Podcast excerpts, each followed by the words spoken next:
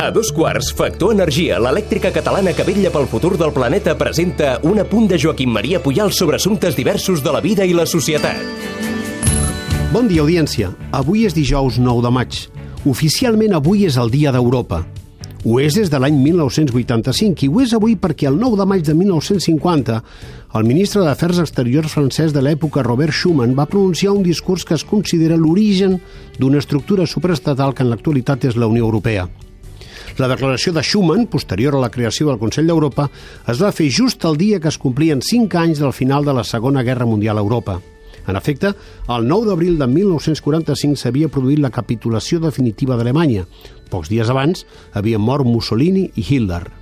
Benito Mussolini va ser afusellat el 28 d'abril de 1945 i després el seu cos va ser penjat en uns ganxos de carnisseria de cap per avall per rebre la humiliació pública.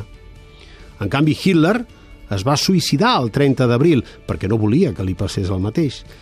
Abans havia ordenat als seus fidels que el seu cos fos cremat per evitar l'escarni i la presumible revenja dels seus enemics.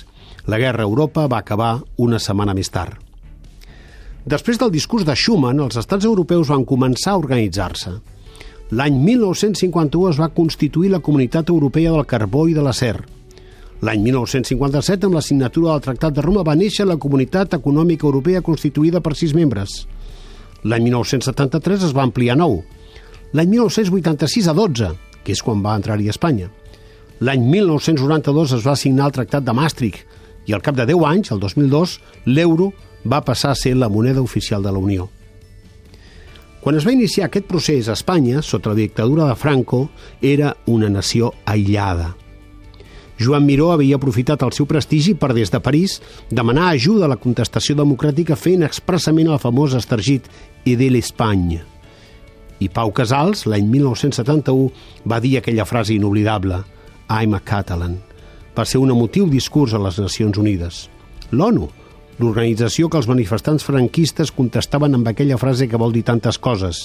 Si ellos tienen ONU, nosotros tenemos dos.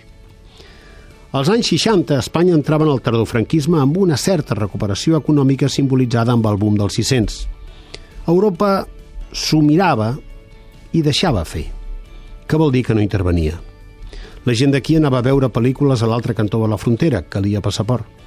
Davant d'Europa, Espanya només podia treure pit quan el Madrid guanyava títols o quan aconseguia algun èxit al Festival d'Eurovisió. L'any 1974, ni Europa ni la Santa Seu van poder impedir l'execució de Puig Antic.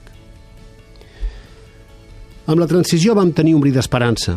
El temps ha demostrat que poc justificada. Es va fer d'una manera que va permetre que el franquisme sociològic continués existint i influint. Ara els seus descendents manen i molt.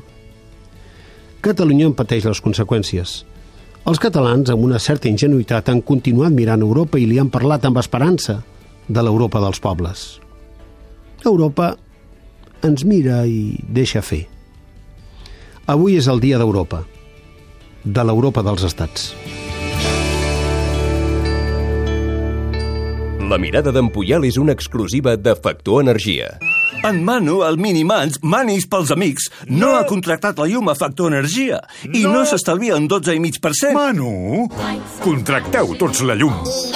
A factorenergia.cat i no farem més anuncis. Per fi hi ha un altre llum.